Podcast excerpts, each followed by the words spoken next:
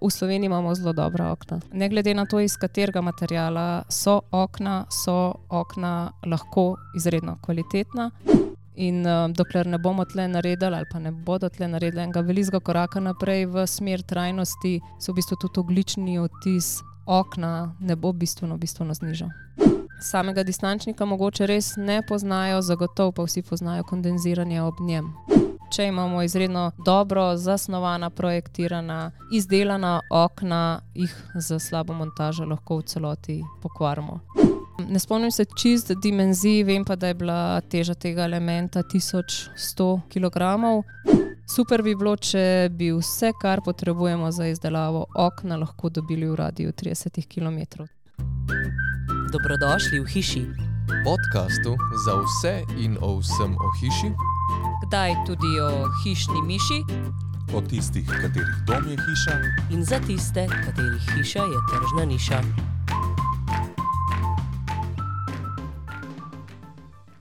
Drage poslušalke in poslušalci, pozdravljeni in dobrodošli v 19. epizodi podcasta Hiša. Tokrat sva z vami Aleš Ugovšek, in Boris Štrakl, z nama v hiši pa je Barbara Šubic, sicer sovoditeljica podcasta Hiša, danes pa v vlogi direktorice MSO Remizarstvo in strokovnjakinje na področju lesenih oken. Barbara, dobrodošla v hiši. Kako si? Dober sem, živijo. Mal me je strah tega podcasta, sta me dobro prestrašila med tednom. kak si pa zares, Barbara? Zelo dober sem, Pa či zares? je pa še zmeraj malo strah. A je drugačen feeling biti voditelj ali pa gost? Ma ne bi bil, če me ne bi videla tako strašila. Česa pa te je strah? Vsebine ali zaključka? Ne, hišarije. No, pa da vidimo hišarijo. Z Barbaro se bomo danes spustili v svet oken. Pogovarjali se bomo pretežno o lesenih oknih, naredili tudi primerjavo med okni iz različnih materialov, se na kratko sprehodili čez njihovo zgodovino, naslovili ključne materiale, komponente in lastnosti lesenih oken, rekli kakšno tudi o montaži, pregledali razvoj lesenih oken, njihovo trajnost in prihodnost ter trende v moderni arhitekturi. Da pa predstavimo Barbaro, torej kdo je Barbara Šubic. Od začetka tega leta je direktorica MSO Remizarstvo, predtem pa je bila že več kot devet let vodja razvoja in tehnologije in še predtem tehnologinja. V MSORI je torej že več kot 15 let, svojo poklicno pot pa je začela na Agenciji Republike Slovenije za okolje kot hidrologinja. Barbara, je to pravilen izraz? Ja, Hidrologinja? hidrologinja. Ja. Tako, po izobrazbi pa je Barbara univerzitetna diplomirana inženirka gradbeništva. Barbara, kaj dela hidrolog? Hidrolog meri pretoke rek, tako da jaz sem bila dejansko tri ali pa štiri dni na terenu in smo vse slovenske reke merili pretoke. Zakaj pa to? Zato, da se določi stoletne vode, nad katerimi pa potem en meter nad stoletnimi vodami se pa projektira mostove, recimo, ali pa poplavna območja. A to pomeni, da si škorni v vodi? Ja, škorni v vodi z neoprensko obleko, vse to sem imela, je pa takrat uh, bila prvič uporabljena tudi ena druga metoda z Dopplerjevim čovničkom, uh, ki smo ga pa vozili z dvema vrvema čez strugo. Se pravi, takrat so vam nehali izplačevati dodatke za izjemno težko terensko delo. Ne, ne, še zmeraj je bilo izjemno težko. Smo tudi pri minus 15 merili, pa bili vod. Ampak dodatkov niste dobili. Smo dobili, kako ne. Ok, dobro. Je pa Barbara tista oseba, ki je v MSORI začela z razvojnimi projekti in leta 2011 pripeljala v podjetje prvi evropski Eco Innovation projekt, katerega predmet je bil razvoj lesenega okna EcoS z zelo prepoznavnimi zračnimi komorami, ki delujejo kot izolator. Barbara je soavtorica večjega števila strokovnih in znanstvenih člankov ter tudi poglavi monografij. Je zelo zaželena gostja na konferencah in drugih dogodkih, dve leti pa je bila tudi asistentka na Visoki šoli za oblikovanje materialov na šolskem centru Ljubljana. Aktivno je sodelovala pri pripravi študije Towards a Sustainable Economy 2035, ki jo je organiziral Joint Research Center v Bruslju. Poleg mnogih nagrad, ki jih je MSORA prejela za razvoj inovacij, pa je Barbara tudi prejemnica Puhovega priznanja za izume, razvojne dosežke in uporabo znanstvenih izsledkov pri uvajanju novosti v gospodarsko prakso na področju lesarstva. Je pa v prostem času žena in mati dveh otrok, navdušenka nad koncerti, glasbenica Pink, ljubiteljica dobrih knjig, gora in aktivna ultratrailašica. Letos je namreč odtekla svojo prvo 100-kilometrsko preizkušnjo. Barbara na kratko razloži, kako je preteči 100 km. Ja, to se sliši tako, da res tečeš 100 km, ampak v resnici, ker so to gorski teki z velikimi višinci, se načeloma v klance ne teče, razen res tistih najboljših. Ta tekma mi bo ostala za skos v zelo lepem spominu. To je bila moja prva stotka. Natrenirati se da, kako pretečeš 100 km, ne da se pa natrenirati okoliščin, v katerih tečeš. In tokrat je septembrsko deževje res pripomoglo k njim zelo neugodnim okoliščinam, nizkim temperaturam, um, snegu, vetru, ki je, mislim, da približno polovico tekmovalcev, da rečemo, nesposobno do te mere, no, da so odstopili. Pod hladitev je bil kar velik zvinov, zlomov, gorska reševalna je imela kar nekaj dela.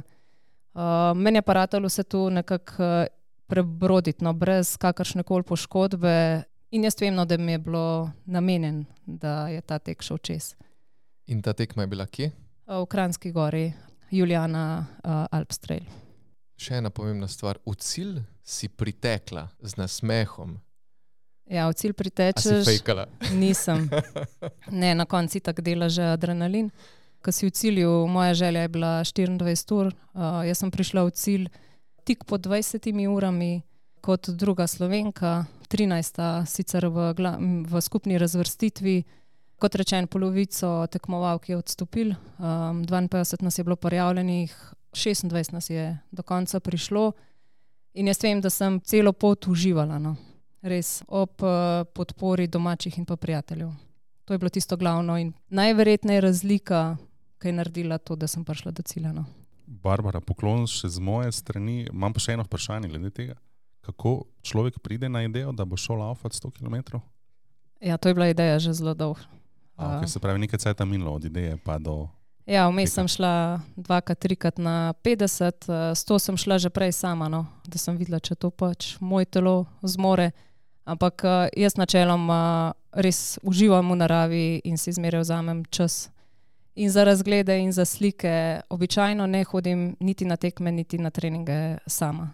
Zmeraj v, dru v družbi in to so dogodivščine, ki, ki jih pač ne pozabiš tokrat sem bila na tekmi sama, ampak eh, kljub temu del proge je z mano šel moj brat Tomaš, najtežji del, ki je tudi zelo dober športnik. On me je pod budnim očesom, no zdravnika sem bila in me je um, v bistvu filal z hrano, pijačo, zdravili, magnezijem, soljo. In jaz vem, da je tudi recimo. Verjetno je prispevalo kar nekaj k temu, no, da, da je moje telo zdržalo vse to torej za vse ostale, če se odločite na, za 100 km, ne skočite iz kavča na dva treninga in potem na 100 km. Mi pa gremo naprej v temo današnjega podcasta, vse o lesenih oknih. Začnimo, Barbara, z zgodovino lesenih oken, predtem pa morda še samo omenimo, da je v novembru išel priročnik o izzivih lesarske industrije in v njem je tudi poglavje knjige z naslovom Trendi v razvoju lesenih oken in sodobne arhitekture objektov. Ta priročnik je izdala Zelena Slovenija. Dobrodošli, da si ga ogledate, preberete, dostopen je v PDF-ju na njihovi spletni strani, lahko pa ga tudi naročite v tiskani obliki preko Spirit Slovenije. Barbara, torej na kratko, o zgodovini oken, torej ne samo lesenih oken, katera so najstarejša okna in kdaj, dokam sega ta zgodovina. Ja, zagotovo najstarejša okna so bile v bistvu line, samo odprtine. Temu verjetno niso takrat rekli okna, ampak to je bilo že, že davno, davno, pač odkar so ljudje začeli prebivati nekje v zaprtih prostorih. Če pa govorimo res o oknih, pa se je to začelo, ne vem, mal pred 16. stoletjem takrat lesena okna, zagotovo je pa razvoj okna, no, uh, takih, kot jih poznamo danes, pa nekje sega v 20. stoletje. No. Predvsem z razvojem ravnega stekla, ki je omogočal transparentne površine in pa hkrati zaprtost uh, prostorov, vremenske razmere zunaj. Se pravi, okna so bile razvite zato, da so nizke temperature, veter, da so ostali zunaj prostorov, zunaj objektov, In uh, ravno steklo no, je bilo tisto, uh, mislim, da ključen prelomni trenutek v zgodovini, ki pa je res uh, povzročil zelo hitro, pa zelo dobro rast razvoja no, oken. Torej je tradicija lesenih oken je najstarejša, verjetno malenkost mlajša tradicija je tradicija kovinskih oken. Zagotovo, ja. In potem so sledile, sledila plastična oziroma PVC okna. Tako, in če morda samo eh, omenimo, če bi kdo želel poiskati načeloma najstarejše leseno okno na svetu, ga boste našli v angliški vasici Boxford. In ocenjeno je na skoraj tisoč let, torej če gledamo povsem prvo, prvo, prvo okno. Barbara, če pogledamo torej okna uh, v 20. stoletju, najprej lesena okna, potem okna tudi z drugih materijalov, aluminijasta in iz PVC-ja, kakšne pa so prednosti in slabosti teh različnih materijalov? Ja, tle mislim, da vsak svo, svojega konja hvali. Uh, se pravi, jaz prihajam z Msori in sem Msori že zelo dolg in seveda poznam vse prednosti lesenih okn, poznam pa tudi slabosti leteh. In tudi uh, srečujemo se na tržišču z okni iz ostalih materijalov in vsak ima svoje prednosti in slabosti. Jaz mislim, da je na tem mestu treba omeniti eno stvar ne glede na to, iz katerega materijala so okna, so okna lahko izredno kvalitetna in so lahko med sabo tudi primerljiva.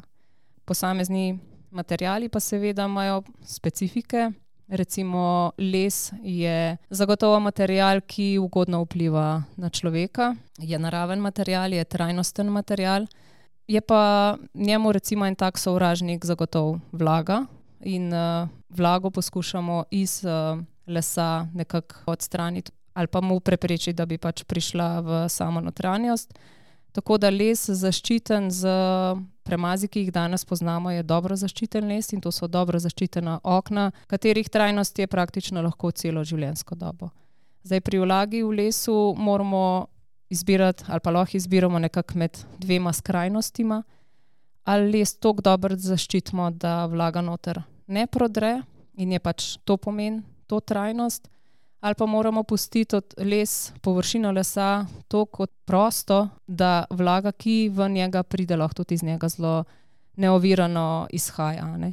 Se pravi, ali popolnoma, da rečem po domače, zelo nezaščiten les je zelo trajen, ali pa popolnoma zaščiten les. Nezaščiten les največkrat imamo na kakšnih terasah ali pa za kakšne ograje, tudi eh, stare ograje okrog vrtov so bile take ko pa govorimo o oknih, pa je tega nezaščitenega lesa bistveno manj v praksi, je pa uh, površinska zaščita no dan danes res uh, že tako dodelana, da pa nimamo, nimamo skrbino, da, da bi vlaga noter prihajala. Lesu je sovražnik zagotovo tudi uh, UV svetloba sonca, uh, zato morajo ti premazi biti zadostno pigmentirani, Na recimo zelo osončenih delih ali pa na področjih, kjer je pa ogromno sonca, pa to rešujemo tako, da na zunanji strani damo aluminij, ki pa dejansko prepreči popolnoma ta vnos UV svetlobe. Zelo pomembna je naprimer toplotna izolativnost. So kakšne razlike v toplotnih izolativnostih med različnimi okni, različnimi materiali? Ja, zagotovo. Ne? V osnovi še zmeraj je največ uh, lesenih oken iz lesa smreke ki je toplotno najbolj izolativen, recimo naraven material. Te izolativnosti se lahko, oziroma to izolativnost lahko povečamo še uh, z smreko, ki jo toplotno obdelamo, termično modificirano uh, smreko. Uh, osta, vse ostale lesne vrste, ki imajo večjo gostoto, pa imajo s tem zmanjšano toplotno izolativnost. Se pravi, macesen je tisti prvi naslednji, hrast spet z bistveno manjšo, uh, slabšo toplotno izolativnostjo in pa ne vem, nekatere tropske vrste, kot je Red Grandis. Kaj pa, če primerjamo z okni iz drugih materijalov, torej aluminijaste in PVC okna, so vsa toliko toplotno izolativna? V bistvu lahko so. To, to mislim, da je, da je tista stvar, no, kar sem že na začetku poudarila, kupci, poslušalci, stranke, kako koli lahko najdejo na tržišču primerljiva lesena, aluminijasta ali pa PVC okna, ki imajo res uh, identično uh, toplotno prevodnost. Če pa rečem, da pa v povprečju plastična okna, taka klasična, ki se na tržišču pojavljajo, pa imajo slabšo. Da se pa dobiti več komorna plastična okna, šest, sedem, kakorkoli, ki pa zagotavljajo identično toplotno prevodnost. Kaj pa cena? Cena je tisti eden izmed poglavitnih faktorjev pri odločitvah. Kako je s ceno pri različnih oknih, aluminijasta, lesena, plastična? Zdaj, super bi bilo, če bi imeli zmeraj ponudbe, ki bi bile dane na isti imenovalec. Uh, če bi primerjali vedno tri ponudbe z enako toplotno provodnostjo, bi se cene zelo izenačile. Ne, če pa um, gledamo tri klasične ponudbe, ki jih nekdo pridobi brez poglobljenega znanja, kaj v bistvu v ponudbi ima, pa znajo biti plastična okna, PVC okna precej cenejša, 20 do 30 odstotkov, aluminija sta malo manj. Sploh v zadnjem času, no, ko so te osnovne surovine uh, se kar podražile, se je tudi ta razlika v ceni, vsaj med aluminijastimi in lesenimi okni, skoraj da izničila že. Omenila si že vlago in vpliv vlage. Kaj pa vpliv temperature? Kako temperatura vpliva na različne materiale oken? Ja, temperatura pa v nasprotju z vlago na les nima tazga vpliva. Za razliko od lesenih oken pa ima bistven vpliv na aluminij in pa na PVC. Pri aluminijastih oknih uh, ima temperatura največji vpliv na raztezke, uh, se pravi, uh, aluminijasta okna se zelo raztezajo, zato je recimo en milimeter na tekoči meter in ti, te raztezke je potrebno potem pri uh, vgradnji oken upoštevati. Pri PVC oknih pa v bistvu temperatura izredno neugodno vpliva na samo strukturo materiala. PVC okna brez ojačitev se na visokih temperaturah lahko močno segrejejo in tudi ukrivijo. In zato PVC okna v bistvu v največji meri najdemo v zelo svetlih odtenkih. In pa zelo malo je v bistvu barvnih odtenkov, ki jih lahko zbiraš, ravno iz uh, tega razloga. Barbara, te še izzovem na področju trajnosti, ker velja prepričanje, da lesena okna pa so trajnostna. Pa poglejmo zdaj celoten življenjski cikel. Ali so res lesena okna toliko bolj trajnostna od aluminijastih in PVC? Ja, jaz bi si želela tle zelo tako odločno pritrditi, da ja, pa žal trenutno še ni temu tako. Reciklaža odsluženih lesenih oken je v bistvu zelo zahteven postopek, zelo drag, trenutno še postopek, ki se ga sicer tudi mi lotevamo zelo, zelo uh, resno in uh, odločno, da bomo nekako temu prišli do konca. Številke pač uh, nekako ne, ne lažejo, deleži aluminijastih in uh, PVC oken. Recikliranih ali pa delež reciklaže, no, ki je možen, je bistveno višji uh, kot pri lesenih oknih. Hvala lepa za tole iskrenost. Je pa res, da je energija porabljena za izdelavo lesenih oken, pa verjetno nižja v primerjavi z aluminijem in PVC, ker imamo visoke temperature. In... Ja, to drži, po drugi strani pa vse life cycle analize, ki smo jih delali, ne, pa kažejo na to, da glavni porabnik energije na oknu pa vendarle ni okvir. Ni material tisti okvir, no, ki je najdražji za proizvest, ampak um, z veliko prednostjo uh, izstopa steklo. Steklo je tisto najbolj energetsko potratno.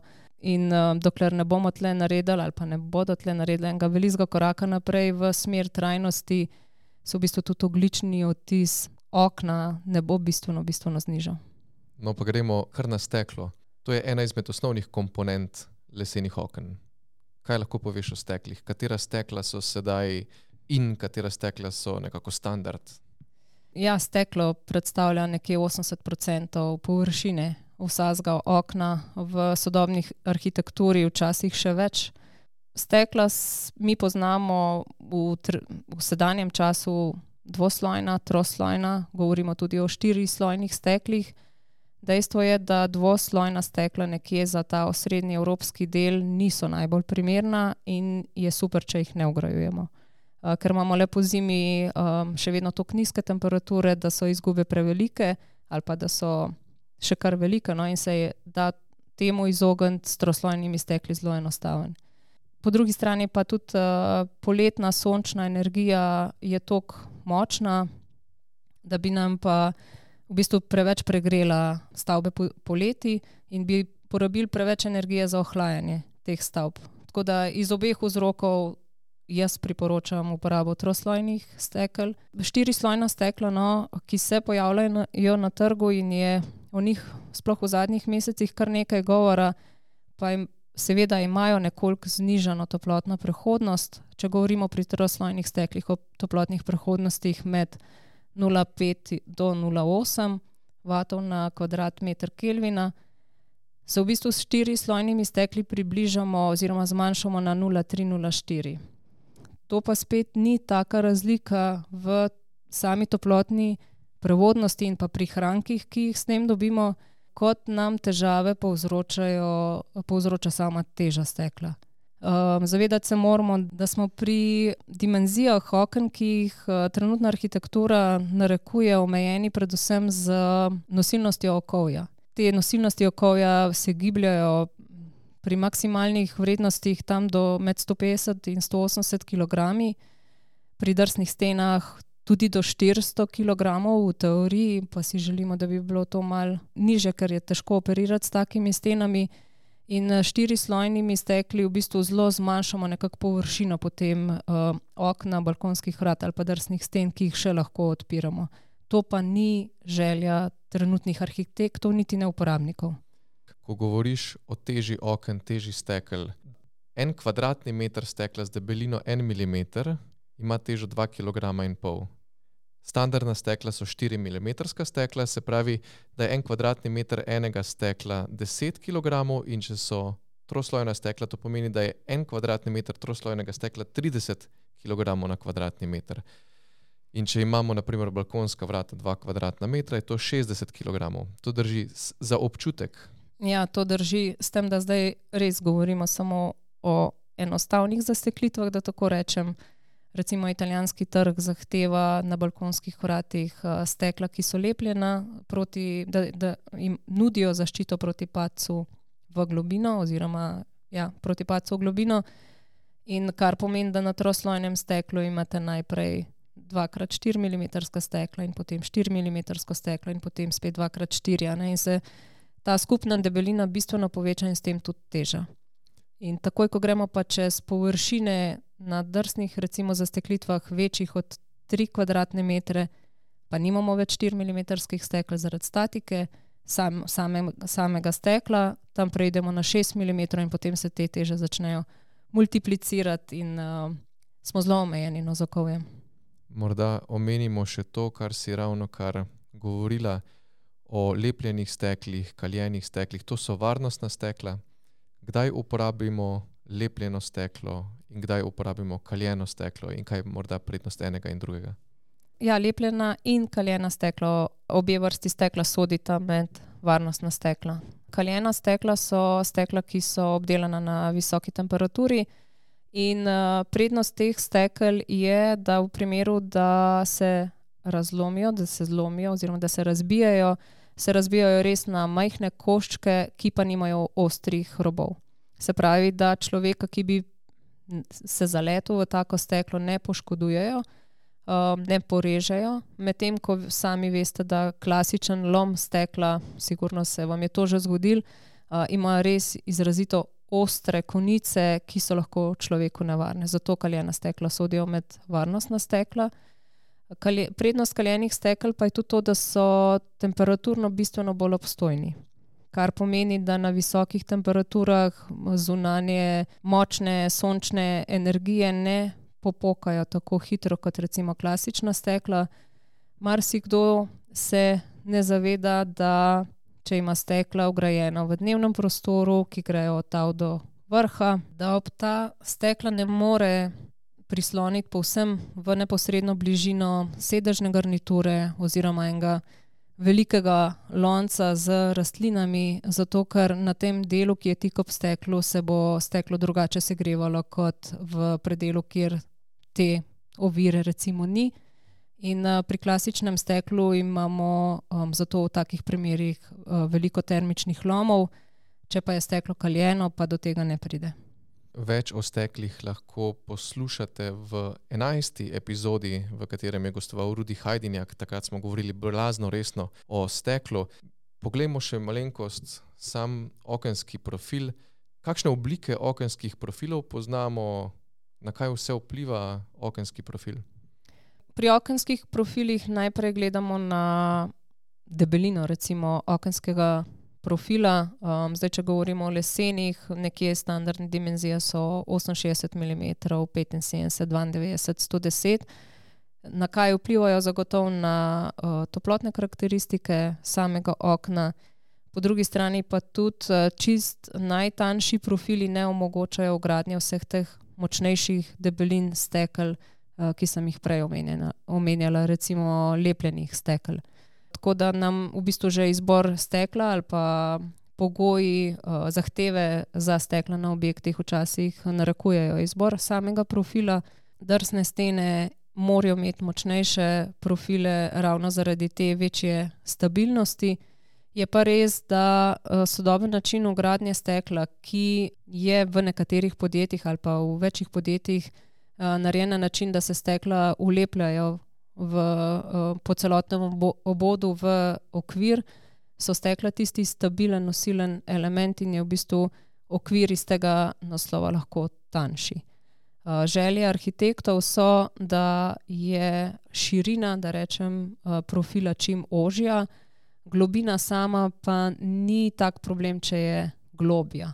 Se pravi, čim ožji profili po višini in recimo čim globi po globini, da dobimo in toplotno izolativnost in stabilnost. Si pa že na začetku omenila in še enkrat več izpostavimo, da je tudi razlika med lesnimi vrstami. Najbolj izolativna je smreka, termosmreka, koliko slabše izolativen je macesen in koliko slabše še hrast. Naprimer. Smreka ima uh, ni cela 11 uh, vatov na kvadratni meter Kelvina, macesen ima toplotna izolativnost ni cela 13 in uh, hrast ni cela 18 vatov na kvadratni meter Kelvina. Se pravi, višja kot je številka, slabša je izolativnost. Tako. Uh, stranke se morda tega ne zavedajo, zato ker pri ponudbah se enostavno odločajo za različne vrste lesa, bolj ali manj izključno na podlagi videza uh, in kombinirajo različne vrste lesa z notranjim pohištvom, ne zavedajo pa se, da to za seboj pač potegne tudi uh, slabše toplotne izolativnosti. O okolju si že povedala, morda se na kratko dotaknemo še tesnil in pa samega distančnika med stekli. Koliko tesnil je smiselnih, je zahtevanih v oknih? Klasično se ugrajujeta dve tesnili, lahko skoraj na vseh oknih je možno ugradnja tretjega tesnila. Dva tesnila sta minimum, in pa hkrati nekako zadosti za normalne vremenske razmere. Ta tretja tesnila je pa res tisti dodatek, ki je včasih v projektih tudi zahteven. Je možno pomiriti poslušalke in poslušalce, ker marsikdo se boji, da bo tesnilo čez leta postalo trdo, bo preperelo, kako je s tesnili danes. Tesnila so res eh, napredovala no, v teh letih. Jaz vem, da um, se vsi spomnijo okn iz let v obdobju 1980-90, ko smo vsi ugrajevali recimo v objekte naših staršev, uh, ko so jih gradili enaka okna treh, štirih uh, podjetij v Sloveniji, tudi enakih dimenzij. In takrat pač materijali niso bili še tako dobri, kot so danes. Uh, je pa res, da tudi tesnila, gume, ki jih uporabljamo danes, prav tako zahtevajo nekaj negovanja skozi celotno življenjsko dobo, se pravi nekaj premazovanja, tako kot okolje. Ampak to je del vzdrževanja. Spregovorimo še o medstekelnem distančniku. To je tisti del med stekli, ki je nekako skrit, ki ga večina ljudi ne pozna, ne vidi. Zakaj je medstekelni distančnik tako pomemben? Samega distančnika mogoče res ne poznajo, zagotovo pa vsi poznajo kondenziranje ob njem, sploh v spodnjem robnem horizontalnem delu oken. Uh, distančnik je rob stekla, ki v bistvu povezuje tri stekla med sabo in ta distančnik pač v steklu mora biti. Prvi material teh distančnikov je bil aluminij in je nudil res en tak, eno tako enostavno prvo rešitev, ki pa iz toplotnega stališča ni bila najboljša. Aluminij je izredno dober toplot, toplotni prevodnik, zato je bila kondenzacija na teh spodnjih robovih res zelo velika in to se je v zadnjih 20 letih dal zamenjati z. Mi temu rečemo toplimi distančniki iz plastičnih, gumijastih materijalov, ki pa bistveno, bistveno zmanjšajo kondenziranje.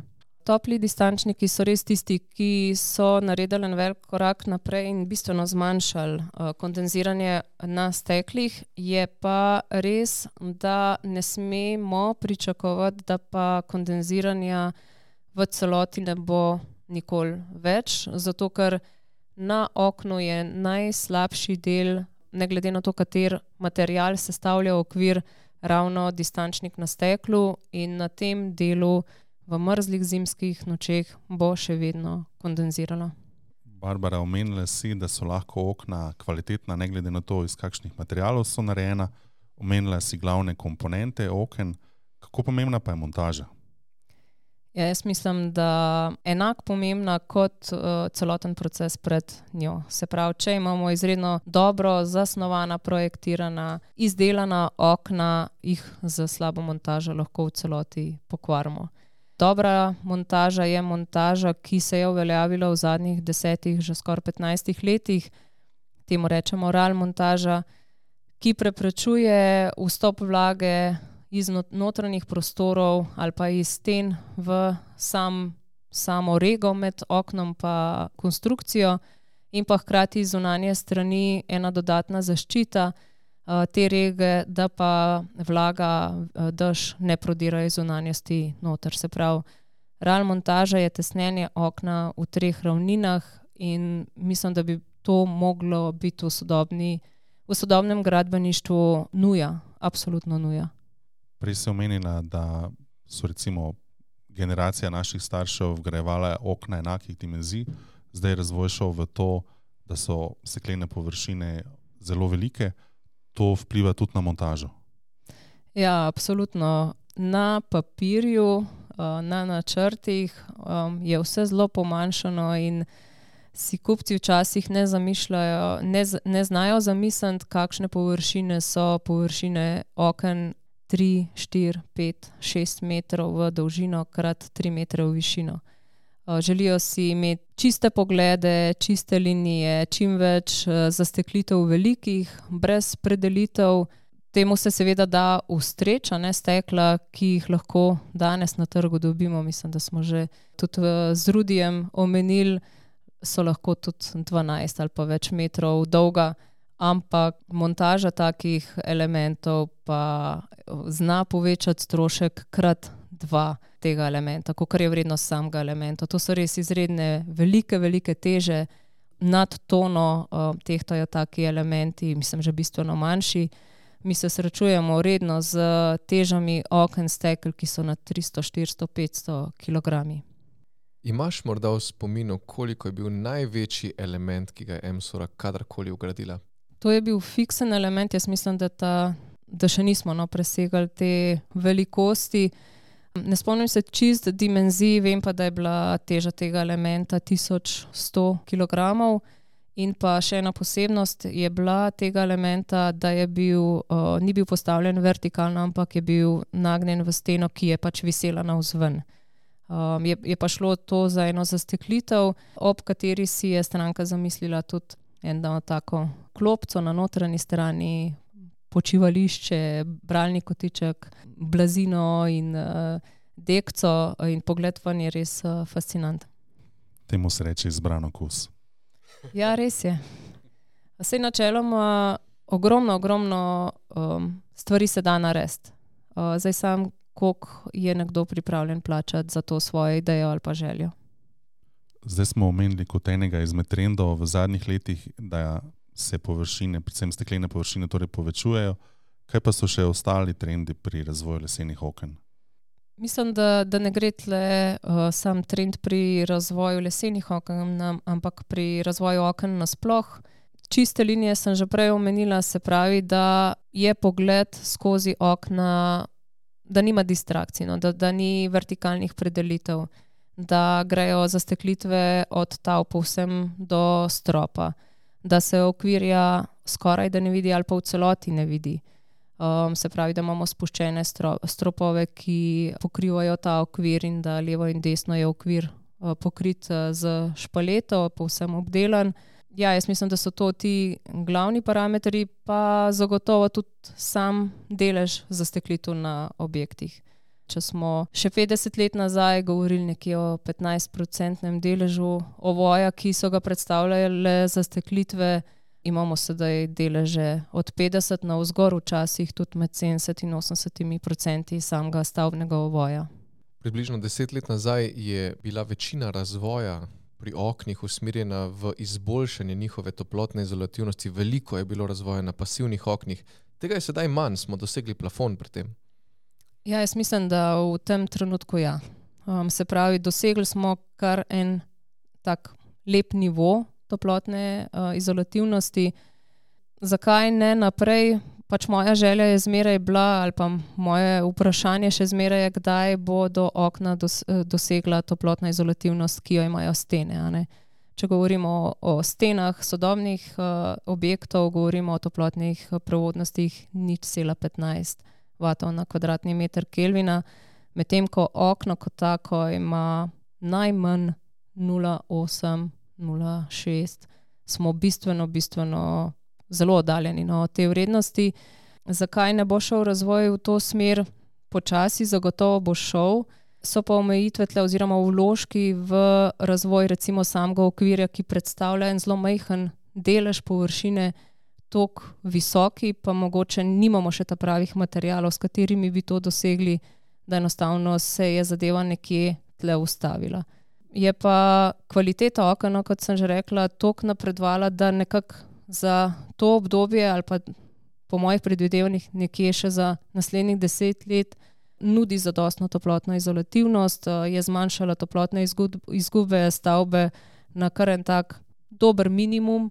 Tako da, dokler ne bodo stekla, recimo, naredila tudi tega koraka naprej v zmanjšani teži, v še dodatno mogoče v toplotnih karakteristikah, je pa, pa če temu ne bo sledilo oko, jaz mislim, da smo z razvojem okna na tem področju nekje trenutno na, na enem plafonu. So pa druga področja, no, ki smo jih pa v bistvu v preteklosti zagotovo zanemarili, ki se jim pa moramo zdaj malo bolj posvetiti. In ta so? Trajnost je zagotovo ena tistih. Do sedaj pri razvoju okna nismo dali toliko poudarka na to, odkje naši materiali prihajajo, kakšno pot prevozimo v času, ko jih pripeljemo na, v samo proizvodno in kam potem grejo. Tudi mi se sprašujemo z našim transportom v Kanado, v Ameriko, kako je to možno, da se to um, splača njim. Če pa gledamo z trajnostnega vidika, pa zagotovo to ni, ni najbolj optimalna pot.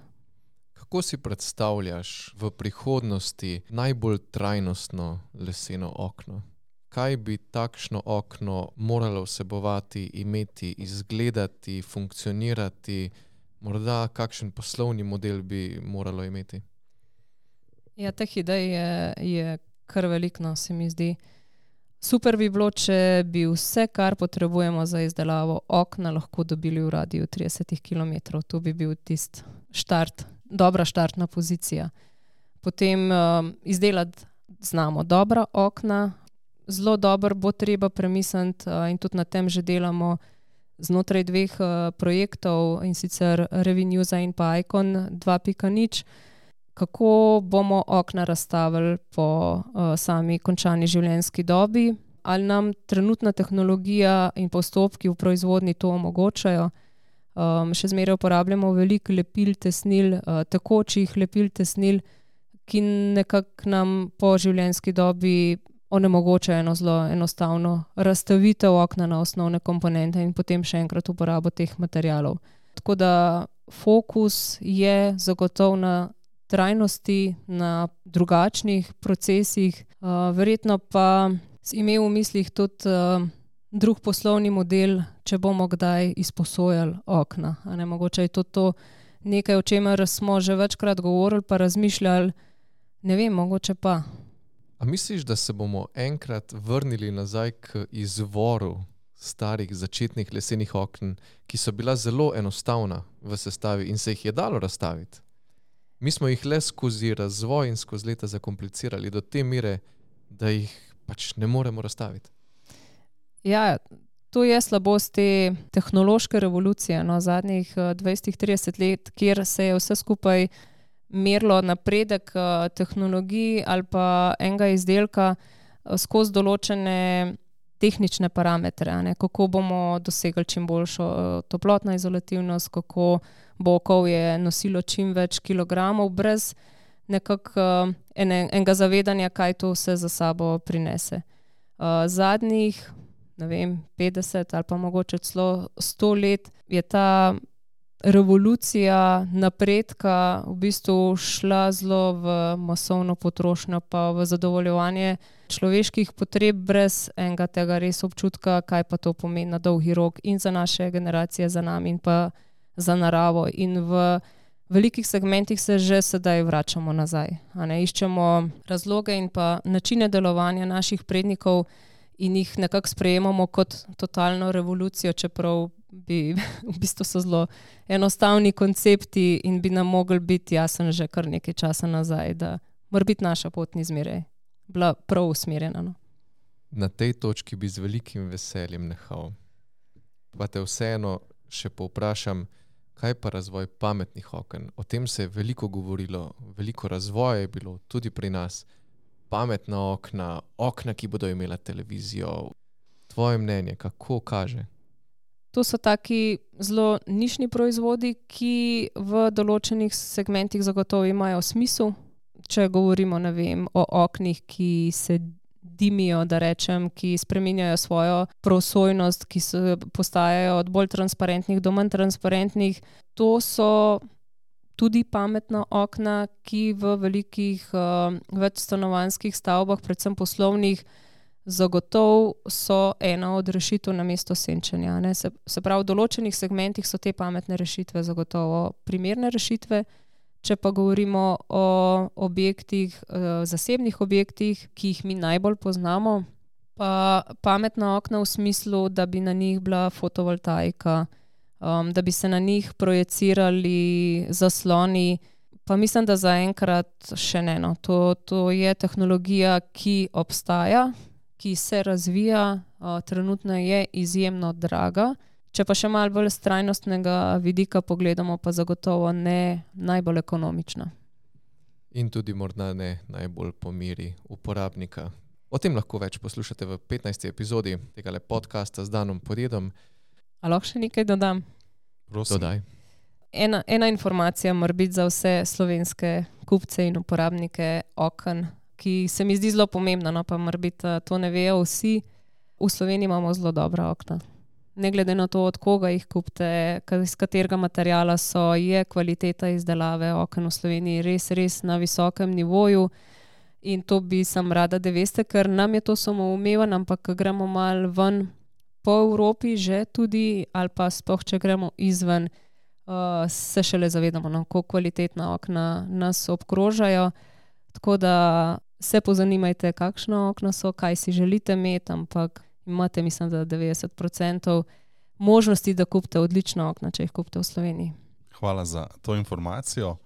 Zdaj bom pa povzel povedano v parih ključnih stavkih.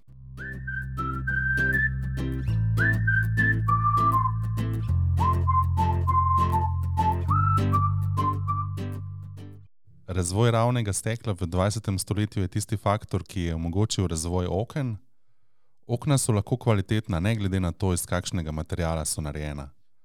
Glavni nasprotnik lesenih oken je vlaga, je pa danes površinska zaščita tako dobra, da to ni več problem.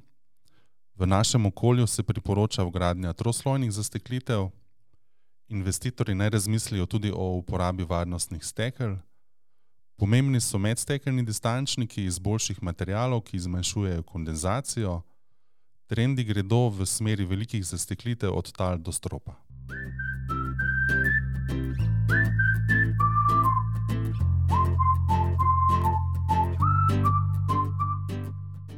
Barbara, sledi še ne najzahtevnejši del, stalno vprašanje, kaj je v tvojem domu, kjer živiš, nekaj zares posebnega samo po sebi ni posebno, je pa meni uh, zelo ljub kotiček, to je moja kuhna.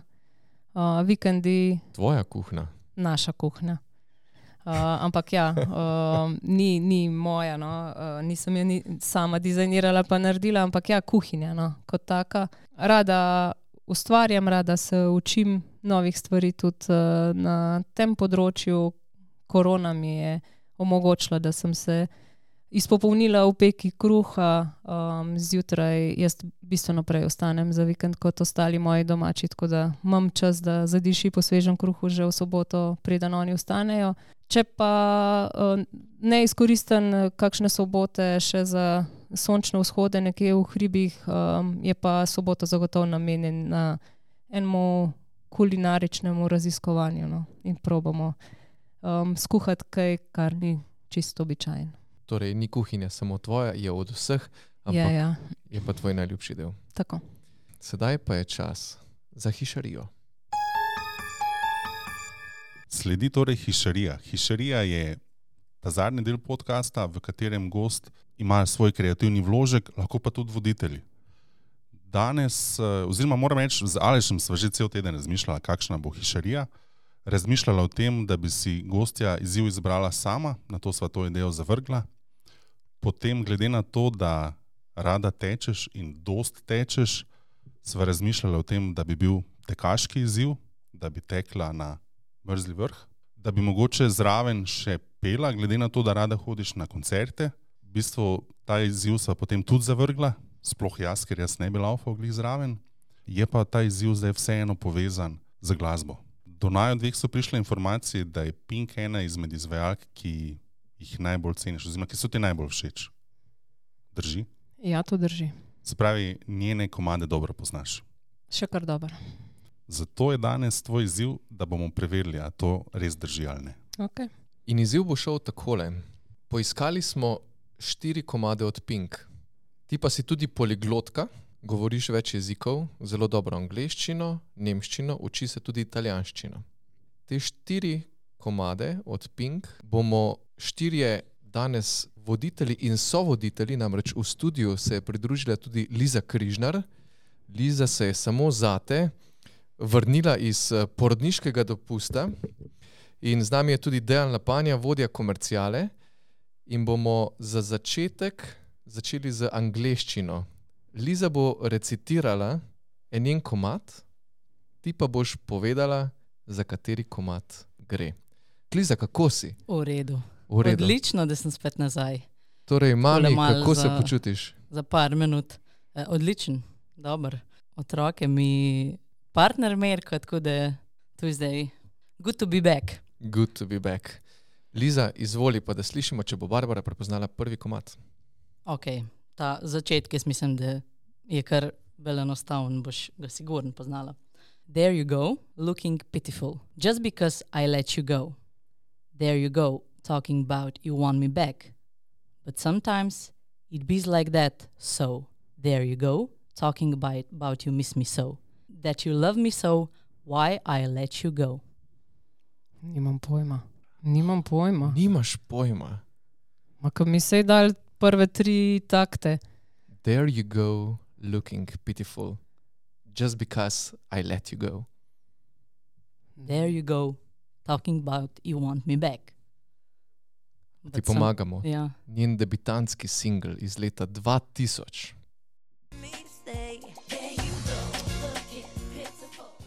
Ja, there you go. There you go, tako bravo, Barbara. Pa ne mi recitirati. Torej, Liza, hvala lepa za tole recitiranje. Prvi izziv, prvi del izziva je bil torej negativen There You Go, njen debitantski singel iz leta 2000. Iz angleščine gremo sedaj na slovenščino. Tu bo zdaj sam lažje, a ne? To bo zdaj sam lažje. Ne, v resnici smo se odločili, da gremo iz najlažjega na najtežjega. Ja, sej. Zelo dobro poslušaj. Ko vstopam v sobo, vzpostavljam povezavo. Vsi se ogrevajo, ko začenjam komat. Let's get the party started. Bravo, bravo.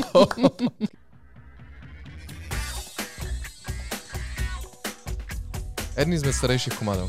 To je bil njen uh, prvi uh, singel, ki je res stopil na svetovne lestvice. Okay, se pravi, ta je bil zelo enostaven, mašina pa niti odrecitiral, še nisem do konca. Dej dovolj, da odrecitiram. Ok, daj, daj. Glasnost narašča z novim ritmom, vsak pleše in vsi plešejo za me. Jaz sem tvoja telefonistka, pokličeš lahko kadarkoli. Jaz bom tvoja povezava z mejo zabave. Torej, get the party started. I can go for a mile, if you know what I mean. Nadaljujemo pa z komadom v nemščini. o moj bog. Ampak glede na to, da vladaš tudi nemško, a, mislim, da to ne bo velik izziv.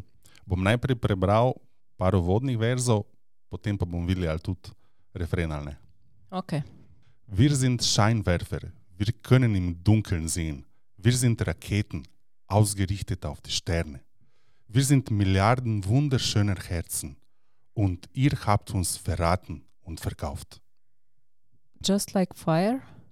Ne. Bom še enkrat prebral, pa pol nadaljujem z referenom. Wir sind Scheinwerfer, wir können im Dunkeln sehen. Wir sind Raketen, ausgerichtet auf die Sterne. Wir sind Milliarden wunderschöner Herzen und ihr habt uns verraten und verkauft. Was ist mit uns? Was ist mit den ständigen Behauptungen, ihr hättet die Antworten? Was ist mit uns? Was ist mit den gescheiterten Glücklichsein für immer? Was ist mit uns? Was ist mit all den Plänen, die in Katastrophen endeten? Was ist mit Liebe? Was ist mit What about us? Bravo!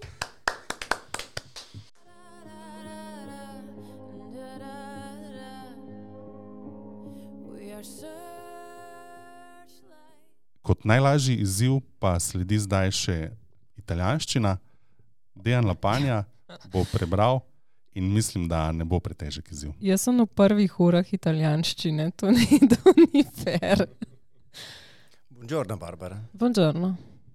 Dove c'è desiderio, ci sarà una fiamma. Dove c'è una fiamma, qualcuno è desiderato a bruciarsi. Ma solo perché brucia non significa che morirai. Devi alzarti e provare, provare, provare. Provare. Try. Yes.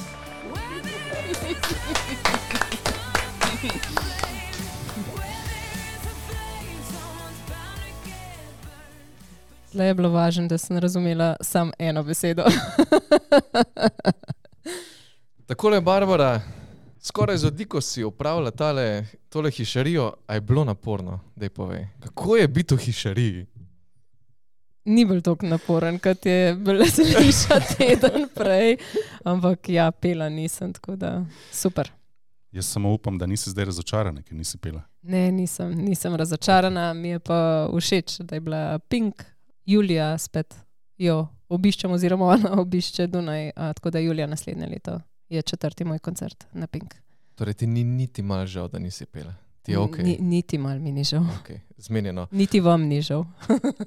Barbara, hvala lepa, da si bila gostja v tej res posebni 19. epizodi podcasta Hiša. Nekako je bila to naša epizoda, pa vendarle mislim, da si zelo široko predstavila ne samo lesena okna, ampak tudi vsa okna.